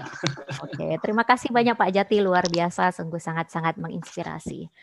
Oke, okay, um, okay. mungkin kita lanjut ke tanya jawab ya. Tapi sebelum itu saya ingin membaca beberapa uh, salam ya yang sudah dititipkan melalui fitur live chat di YouTube. Yang pertama ada salam dari Indah dan Owi, si kucing putih untuk semua dosen. Pesannya teringat dahulu kala ketika dosennya hanya tujuh orang, apa pun matkulnya dosennya itu-itu aja dan bisa ketebak. Sekarang alhamdulillah sudah ramai Semoga HIUII semakin maju dan kantor prodi semakin luas dan terfasilitasi. Ya, alhamdulillah ya, insya Allah ya. Ini juga uh, kantor prodi kita juga sedang dalam proses pembangunan. Semoga harapan ini juga bisa uh, terwujudkan dengan segera. Kemudian juga ada salam ini untuk Mbak Diah ya, Mbak Diah. Aku kangen bagi-bagi nasi kuning dan susu. ada yang kangen sama ujian sama ini, Mbak sarapan. Diah sarapan yang biasanya kita sediakan sewaktu ujian luar biasa. Ya. Insya Allah kalau besok sudah luring kita sediakan lagi ya. Uh, ya, ini mungkin uh, info juga untuk teman-teman tahun uh, angkatan 2020 ya. Biasanya kita setiap uh, ujian itu kita menyediakan sarapan ada nasi kuning dan juga susu ya. Kemudian selanjutnya ada salam dari pengagum rahasia untuk Mbak Feby ya salah satu alumni kita yang ada di uh, Serbia. Alhamdulillah uh, pesannya adalah semangat terus studinya di Serbia, sukses selalu. Ya, Waduh, ya, siapa tuh? Ngaku-ngaku, ayo. Nah, yo. ini nih fansnya siapa ini? Kayak saya tahu deh ini siapa. Kayaknya tadi sempat rame juga di chat uh, YouTube nih. Uh, kayaknya saya tahu deh ini siapa ini. Oke, okay, uh, selanjutnya dari fans ngalir setia ngalir untuk semua dosen, pesannya saya merindukan belajar di kelas. Huhuhuhu. Ya sama ya, kita sebagai dosen juga sangat-sangat merindukan uh, perkuliahan yang offline ya atau luring. Oke, kemudian selanjutnya ada pesan dari CMBN. CMBN ini siapa ya? Hmm. Oke. Untuk Pak Hangga Fatana, pesannya Pak bagi tips biar charming gitu gimana cara? Cie. Wah ini. Waduh, waduh, waduh, waduh, waduh. Ini apa sendiri. ini? Berarti nanti harus ada dosen tercharming. Oh ya Allah. Agak rumit ini pertanyaannya. Ini. ini charming maksudnya apa ya ini? Charmingnya ini? Tolong ya. CMBN nanti Japri ya siapa itu? Hmm, ya, mungkin nanti perlu sesi uh, kursus tersendiri ya dengan uh, Pak Hangga gitu, gimana caranya bisa jadi sosok pribadi yang berkarisma gitu hmm. mungkin maksudnya. Kemudian ada pesan dari HB, ya ini inisial, nggak tahu ya siapa nama panjangnya. Untuk Pak Enggar Furi, pesannya Pak Enggar kangen banget kelas Korea nih. Ya, ini kayaknya penggemar Korea deh ini. Ya. Uh, kemudian Waduh, itu tadi salam salam Mm, ya luar biasa. Ya ada salam-salam tadi. Kemudian kita lanjut ke uh, pertanyaan. Ya saya tidak tahu apakah ini bisa digolongkan pertanyaan atau salam ini. Ada uh, pertanyaan dari pengagum rahasia untuk Mas Fikar. Ya agak unik juga ini pertanyaannya. Apa hidden talent yang terkuat selama pandemi, Mas Fikar? Apa ini, Mas Fikar? Menarik pertanyaannya, menarik. Apa ya, Mbak? Sebentar, uh -oh. ya uh, saya naik berat badan 13 kilo. Oh. Jadi seumur-umur saya itu nggak pernah ya, saya kurus. Hmm. Terus ini hobi makan gitu. Dari Mungkin dulu bukannya kan, hobi makan ya mas? Lapar pul. Ya. Oh, ya, tapi kayaknya ini juga, tapi ini juga mungkin karena covid sama karena udah nikah ya. Hmm. Jadi naik berat badan cukup signifikan. Mungkin itu ya mbak. Oke, jadi hidden talentnya Mas Fikar adalah menaikkan berat badan dalam waktu yang singkat, ya. Iya, betul, betul. Oke, uh, ada pertanyaan juga dari M Gilang Ramadan. Ini kalau tidak salah mahasiswa kita ya angkatan 2020. Bu atau Pak, kira-kira apakah ada inovasi atau gebrakan yang baru dan berbeda untuk dibawakan ketika di kelas semester 2 nanti? Ya, ini dari mahasiswa baru. Ini siapa yang akan menjawab? Mungkin Mas Hangga ini. Gimana Mas? Terima kasih Mbak Dian. Pertanyaan yang menarik ya. Eh, kami eh, kita ya di program studi hubungan internasional eh, selalu melakukan evaluasi perkuliahan di setiap semester dan sebelum kami menyampaikan inovasi apa di semester mendatang ya yang akan kita lakukan begitu di semester ganjil ini selain memang kita mengoptimalkan pemak apa pemakaian uh, fitur baru seperti Panopto dan seterusnya. Kalau uh, apa namanya teman-teman uh, memperhatikan juga ya ada beberapa uh, apa uh, asisten kelas ya yang uh, membantu proses diskusi dalam uh, perkuliahan dan seterusnya dan itu mudah-mudahan juga uh, dapat sedikit banyak membantu teman-teman untuk memahami materi kuliah. Nah di semester depan uh, kita akan melakukan evaluasi terlebih dulu dan kita akan dengar pendapat nih, kita akan belanja ide dari teman-teman mahasiswa, akan ada survei yang dilakukan ya setelah uh, ujian akhir semester berlangsung.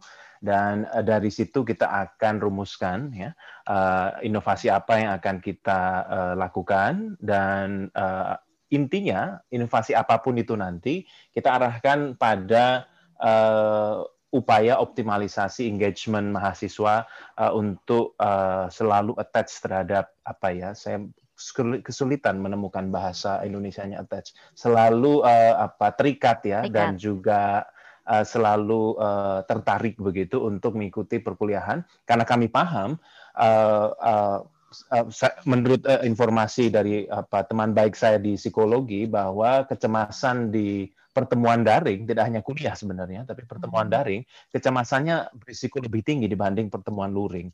Nah ini kita juga pertimbangan banyak hal, uh, tapi apa pun itu nanti ya kita lihat ya itu arahnya adalah dalam rangka untuk meningkatkan engagement dan juga memastikan bahwa pengalaman pembelajaran teman-teman itu nanti akan lebih menarik dan membahagiakan. Saya kira itu yang paling penting. Oke, ya alhamdulillah sudah terjawab ya Gilang tadi uh, dari uh, Pak Hangga. Kemudian ada pertanyaan untuk Pak Jati. Mungkin Pak Jati bisa menjawab dalam uh, satu atau dua menit ya Pak Jati. Ada pertanyaan iya. dari yeah. Adityo Jordi Ramado. Bagaimana cara untuk mengatasi rapuhnya hukum fundamental yang ada di Indonesia? Karena modal utama lulusan HI ataupun uh, bagi yang ingin menekuni karir sebagai diplomat itu harus mempunyai uh, kecakapan uh, berkaitan dengan hukum dan juga politik domestik. Ya, mungkin silahkan Pak Jati bisa menjawab. Ya, ini pertanyaannya harusnya diarahkan ke pendekar hukum yang ada di Indonesia. Tapi yang saya ya. pahami adalah bahwa hukum itu tidak bisa berdiri sendiri. Dia hmm. harus ada elemen satu uh, aturannya, aturannya dibuat oleh siapa, kemudian hasilnya bagaimana itu sangat sangat apa namanya sangat berpengaruh. Kalau ia membuat tidak punya intensi yang baik, maka hasil dari aturan yang dibuat ya tidak akan apa baik juga hasilnya. Yang kedua pelaksananya, uh, aturan yang baik, hukum yang baik tapi tidak dilaksanakan oleh pelaksana yang baik dan jujur juga tidak akan membawa dampak yang positif bagi uh, tata tertib uh, yang diharapkan uh, dari efek adanya hukum itu. Kemudian yang ketiga ya objek yang diatur kita sebagai masyarakat yang diatur itu juga harus punya niat baik untuk menaati, menaati hukum. Jadi tidak menggunakan istilah misalnya ada hukum untuk dilanggar. Ini persepsi yang mulai harus hmm. diubah terutama oleh mahasiswa. Mungkin jawaban sederhananya begitu, Mbak. Oke, ya. Terima kasih Pak Jati. Kemudian ada satu pertanyaan terakhir ya. Saya eh, ini tulisannya semua dosen tapi saya khawatirnya ini pertanyaan dari mahasiswa yang sedang menjalani MPTA ini jangan-jangan. Ya ada pertanyaan uh, Bapak Ibu uh, di mana kita bisa mendapatkan informasi terkait seminar proposal. ya, ini siapa yang mau menjawab ini? ini seminar proposal uh, uh, yang kolektif atau ya, apa ini, ya? Ya.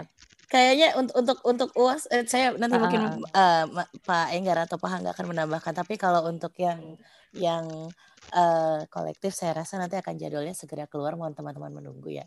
Oke, Kalau ya. yang Insya Allah akan kita dapatkan. kayaknya ya. kolektif ya. Mas hmm. Angga atau 2018 tuh MPTA kayaknya. Hmm, mata kuliah mata kuliah metodologi penulisan tugas akhir. Hmm. Ditunggu teman-teman jadwalnya. Ya. Atau Pak Angga dan Pak Anggar mau nambahkan silakan. Tidak ada opini tambahan ya sama. uh, apa untuk jadwal uh, sempro kolektif akan kita uh, sampaikan ya pada sekitar uh, waktu waktu uh, ujian akhir semester, tapi uh, antisipasi barangkali pertanyaan ini pertanyaan ini juga terkait dengan sempro individu. Ini juga uh, bisa dibaca ya di website HI ir.ui.ac.id slash layanan. Di situ teman-teman uh, bisa uh, melakukan pendaftaran untuk seminar proposal uh, individu dan seterusnya. Hmm. Ya, oke. Okay. Terima kasih atas jawabannya. Dan mungkin selanjutnya adalah um, harapan ya dari uh, para bintang tamu kita yang ada di sini. Tadi mungkin ketika di sesi um, apa namanya uh, tanya jawab ya antara saya dengan Mas Hangga, mungkin Mas Hangga sudah menyampaikan harapan untuk ke depannya. Mungkin kita uh, akan mendengarkan harapan dari beberapa dosen yang lain ya. Mungkin dimulai dari Mas Haza. Mungkin Mas Haza bisa menyampaikan harapan Halo Mbak Dia, iya ya. harapan ke depannya ya. Ah, saya kalau saya sih nggak nggak jauh-jauh Mbak Dian. Semoga kita semua terkuat ya. Terutama ini jadi masa-masa yang sulit banget buat teman-teman 2020. Gitu. Saya tahu semua teman-teman hmm. frustasi, galau gitu ya. Nggak enak banget belajar di apa di rumah terus gitu. Saya tahu rasanya karena saya dulu pernah jadi maba dan asik banget punya teman-teman belajar bareng dan tugas kelompok bareng itu itu enak banget. Itu yang teman-teman belum dapatkan. Tapi ya mudah-mudahan semua krisis ini bisa kita selesaikan dengan baik gitu ya. Uh, amin, Allahumma amin. Baik demi baik bagi mahasiswa maupun bagi dosen gitu ya. Karena yang yang juga bekerja cukup keras selain mahasiswa ya juga dosen gitu ya. Dosen-dosen juga harus menyesuaikan pola kerja, harus menyesuaikan juga apa balance antara work dan life gitu. Itu juga bukan hal yang mudah. Jadi saya cuma pesan semoga kita semua tetap kuat dan bahagia gitu dan sehat-sehat sampai konfan. Amin. Amin, Allahumma amin. Ya, terima kasih Mas Saza. Mungkin kita dengarkan harapan ke depannya dari Mas Arif. Ya, apa harapannya Mas Arif? Iya, Mbak. Kan aja sih sebenarnya ya uh, kita ke depan beberapa waktu ini akan uh, lagi menghadapi pembelajaran proses pembelajaran daring. Uh, yang saya uh, suasananya begitu uh, bersemangat untuk belajar adalah teman-teman angkatan 2020. Makanya uh, harapan saya dan sebapak semua bapak ibu dosen saya pikir adalah kita semua diberikan kekuatan untuk menghadapi semester ke depan semoga memang hanya satu semester sehingga kita bisa uh, bisa uh, bisa benar optimal, bisa memanfaatkan waktu, bisa lebih kreatif dalam belajar baik baik belajar maupun mengajarnya. Uh, jadi interaksi dan pembelajaran benar-benar bisa optimal sampai nanti kita pada uh, insya Allah semoga di paruh kedua tahun ini semoga bisa sudah pembelajaran gitu. Karena saya yang saya lihat teman-teman sudah begitu rindu banget ingin banget rasanya nih kemarin-kemarin udah pengen pak mbak gitu. Ya kita semua rindu ya sebenarnya bukan hanya mahasiswa saja gitu. Kalau ditanya kapan luring kapan offline gitu kita juga sulit ya untuk menjawabnya ya Mas Arief betul nih mbak makanya ya semoga nanti kita diberikan kekuatan untuk waktu-waktu ini dan uh, bisa ketemu lagi. Oke, amin, Allahumma amin. Uh, mungkin Mbak En ya, uh, kalau ada harapan yang mungkin belum disebutkan oleh tadi Mas Hangga, Mas Haza, kemudian Mas Arief, apa harapan Mbak En untuk ke depannya, untuk di tahun 2021? Oke, terima kasih Mbak Dian. Uh, sama seperti harapan, kurang lebih sama dengan harapan uh, Bapak Ibu dosen yang sudah uh, menyampaikan ya, pandemi ini segera berakhir begitu.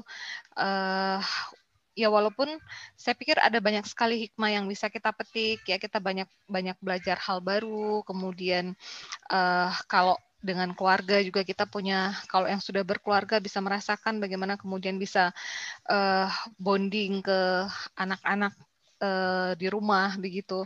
Walaupun dengan segala keriuhannya karena, karena harus membagi antara tugas uh, apa namanya tugas kampus dan uh, rumah begitu. Tetapi uh, bisa membuat hubungan kita jadi lebih tahu tumbuh, tumbuh kembang anak kita begitu. Kemudian uh, apa namanya ya yang paling yang paling dirindukan adalah kembali berinteraksi dengan uh, dengan mahasiswa di kelas begitu ya uh, termasuk dengan kolega-kolega uh, dosen kemudian uh, tendik itu yang yang membuat kita lebih sehat uh, secara sosial begitu karena hmm. ketika tidak berinteraksi secara langsung itu akan beda rasanya uh, dengan berinteraksi secara online. Hmm. Gitu. Mungkin itu Mbak ya. Dian. Ya. Semoga Mbak En juga ke depannya eh, apa lancar-lancar ya Mbak ya sedang menunggu persalinan ini alhamdulillah. Amin. Amin Allahumma amin ya. Semoga lancar Mbak uh, ya. Ya, ya terus Bu En. Amin. Kalau Mas Fikar naik 13 kilo, saya lebih dari itu. Besar. beda, beda penyebab naiknya. Besar yang ini soalnya. Terima okay. kasih Mbak Dian teman-teman doanya. Ya. Ya, sehat-sehat terus ya Mbak En. Kemudian yang terakhir mungkin uh, harapan ke depannya dari Pak Willy. Gimana Pak Willy? Mungkin ada yang ingin disampaikan. Baik, terima kasih Miss Dian. Saya uh, harapannya adalah khususnya ini untuk anak-anak kita, mahasiswa Prodi HI, ya termasuk juga ini sebagai introspeksi buat saya pribadi.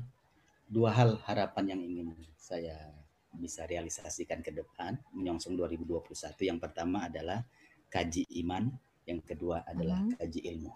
Dua hal ini saya kira Miss Dian yang sangat dibutuhkan bagi manusia di abad sekarang. Ilmu tidak cukup menurut saya, perlu ada dampingan dengan iman.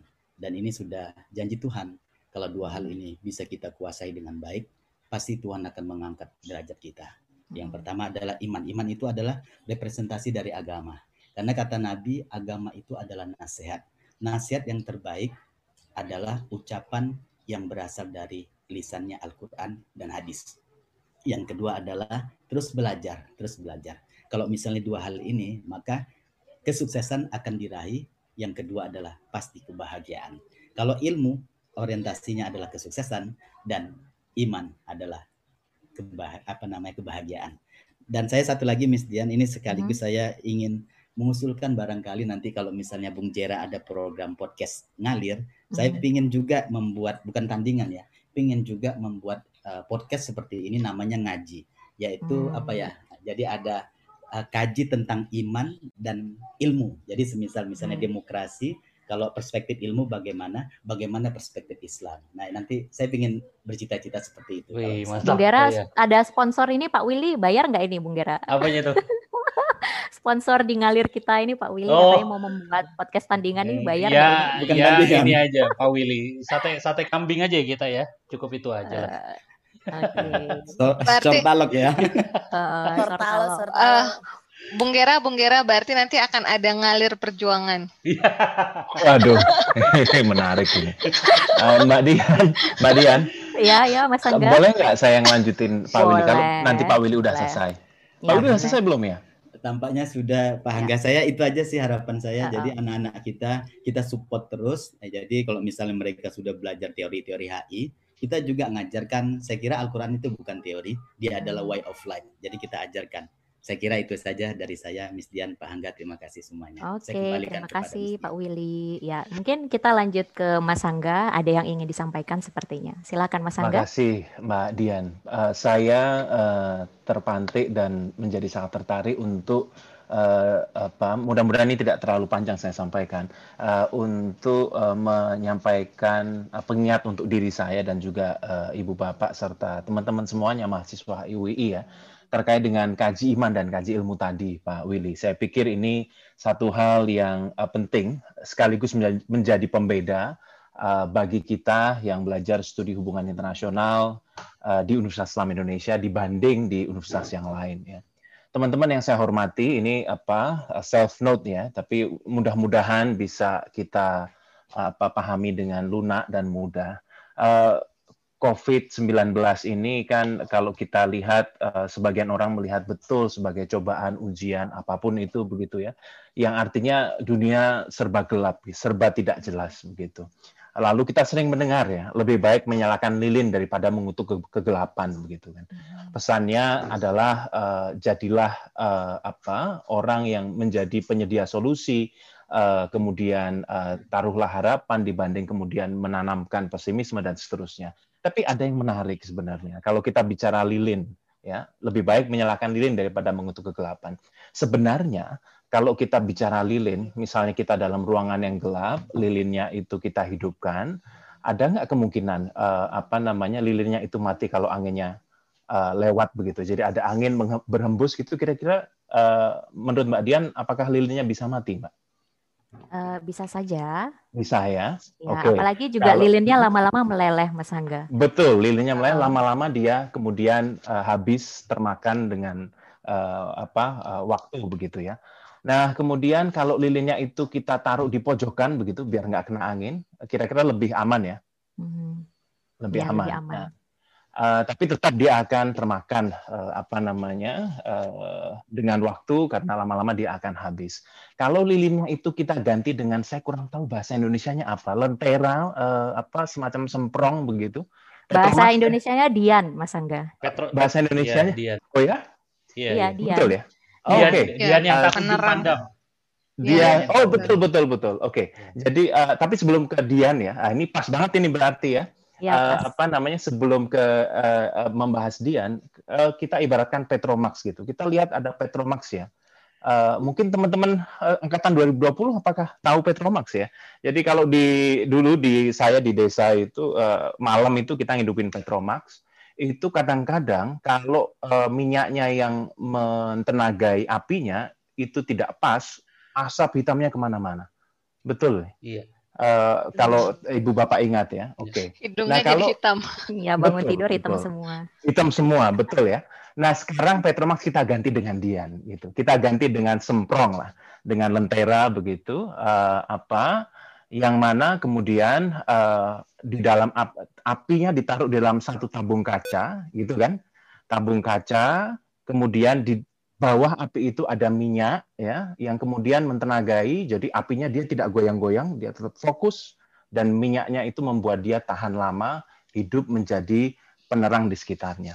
Nah ini yang menarik. Kaji ilman dan kaji ilmu uh, yang tadi disampaikan oleh Pak Willy sebenarnya berulang kali juga disampaikan di dalam agama kita. Dan bahkan perumpamaan uh, lentera ataupun semprong tadi itu kalau saya tidak keliru memahami uh, tafsir apa dari Al-Ghazali kalau saya nggak keliru di Anur ayat 35 bahwa sebenarnya be, betul fiha misbah. Uh, jadi uh, apa namanya? Uh, api itu seperti akal. Api itu akal itu kadang-kadang kalau tidak kita jaga dengan tabung kaca, tabung kaca itu adalah fokus gitu ya. Kadang-kadang apinya itu cepat padam atau kena angin kadang-kadang kita apa condong ke kiri, kadang-kadang condong ke kanan gitu ya. Nah, uh, api juga akan cepat lelah mati kalau kemudian tidak ditenagai dengan minyak. Nah, minyaknya sendiri juga bukan minyak asal-asalan gitu. Kalau di uh, Anur 35 disampaikan minyak yang tumbuh dari pohon zaitun yang dia tidak tumbuh di barat dan tidak tumbuh di timur. Uh, apa salah satu maknanya yang bisa uh, kita lihat adalah minyak ini sebenarnya diibaratkan sebagai wahyu ilahi, firman Tuhan, ya, intuisi kita. Jadi uh, kalau kita bicara akal tadi itu adalah kaji ilmu, itu tidak akan mungkin bisa bertahan lama kalau tidak ada kaji iman. Di hmm. dalam itu minyaknya mentenagai dan kemudian dalam dalam apa kita mengkaji iman kita ini juga menarik karena apa dalam uh, ayat yang sama dikatakan tidak tumbuh di barat dan tidak tumbuh di timur. Jadi jangan terseret pada ekstremisme. Jangan uh, lihatlah di tengah-tengah gitu ya. Tidak uh, apa tidak selalu ada yang yang di barat itu baik, tidak semua yang di, di timur itu baik. Kita jadi generasi yang di tengah gitu ya. Dan kalau itu dilakukan, kaji iman dan kaji ilmu dilakukan, mudah-mudahan uh, ayatnya kalau tidak salah ditutup uh, seperti apa Pak Willy? Uh, nurun ala nur ya. Terciptalah generasi seperti hmm, cahaya di ya, atas ya, cahaya, cahaya di atas cahaya. Betul. Mudah-mudahan lah. Uh, uh, artinya apa? Yang uh, yang ini saya sampaikan uh, lima menit ini saya sudah ya hmm. uh, adalah uh, uh, saya mengingatkan diri saya dan uh, ibu bapak serta kita semua bahwa dalam situasi sulit ini marilah menjadi lentera kita apa jadi api yang itu apa terus menerangi di sekitar kita dengan landasan wahyu ilahi, intuisi, firman Allah Subhanahu wa taala yang menjadi landasan kita dalam apa menggali dan juga mengasah ilmu kita. Demikian Mbak Dian, terima kasih. Okay. Mudah-mudahan Ya, terima kasih Mas Angga tadi sangat luar biasa dan sangat dalam ya mengenai makna dari Quran surah An-Nur ayat 35 yang menjadi motivasi bagi uh, Mas Angga dan juga semoga dapat menjadi motivasi bagi kita semua. Amin amin ya rabbal alamin. Oke, okay, para sobat ngalir semua, alhamdulillah akhirnya kita sampai juga di penghujung acara. Ya, saya ucapkan terima kasih kepada para sobat ngalir yang selalu setia mendengarkan kami semua yang ada di sini. Kemudian eh, kepada para Bapak, Ibu, Mas, Mbak ya, bintang tamu kita, dosen-dosen yang sangat luar biasa yang sudah menemani saya selaku host pada malam hari ini. Ya, semoga kita semua para sobat ngalir ya, Bapak Ibu sekalian, kemudian adik-adik kita para mahasiswa dan juga mahasiswi selalu diberkahi kesehatan ya dan juga eh, kemudahan di dalam menjalankan kehidupan dan semoga ke depannya ya negeri kita ya semakin menjadi aman dan kita dijauhkan dari pandemi COVID-19. Dan tidak lupa kita doakan kepada uh, bagi Bung Gera ya semoga Bung Gera sukses dengan studinya di Belanda ya Bung Gera. Semoga selalu diberikan kesehatan dan ya, juga ya. untuk Pak untuk Pak Jati yang, juga ya. Oh iya Pak Jati juga ya. ya doa selalu untuk Pak Jati. Kemudian juga untuk Bu EN amin, semoga amin. sehat selalu amin. ya sampai uh, persalinan dan juga setelahnya pasca persalinan ya. Uh, mungkin sampai di sini dan waktunya saya undur diri. Terima kasih ya. Sampai jumpa di ngalir tahun depan. Ya, oke. Okay. Terima kasih. Wassalamualaikum warahmatullahi wabarakatuh. Waalaikumsalam. Bye bye. Waalaikumsalam warahmatullahi wabarakatuh. sampai ketemu 2021. Sampai Mas Gera sukses. Iya, terima kasih. Sukses Mas Gera. Sukses Mas Gera, sukses semua. Sehat-sehat Bapak Ibu sekalian.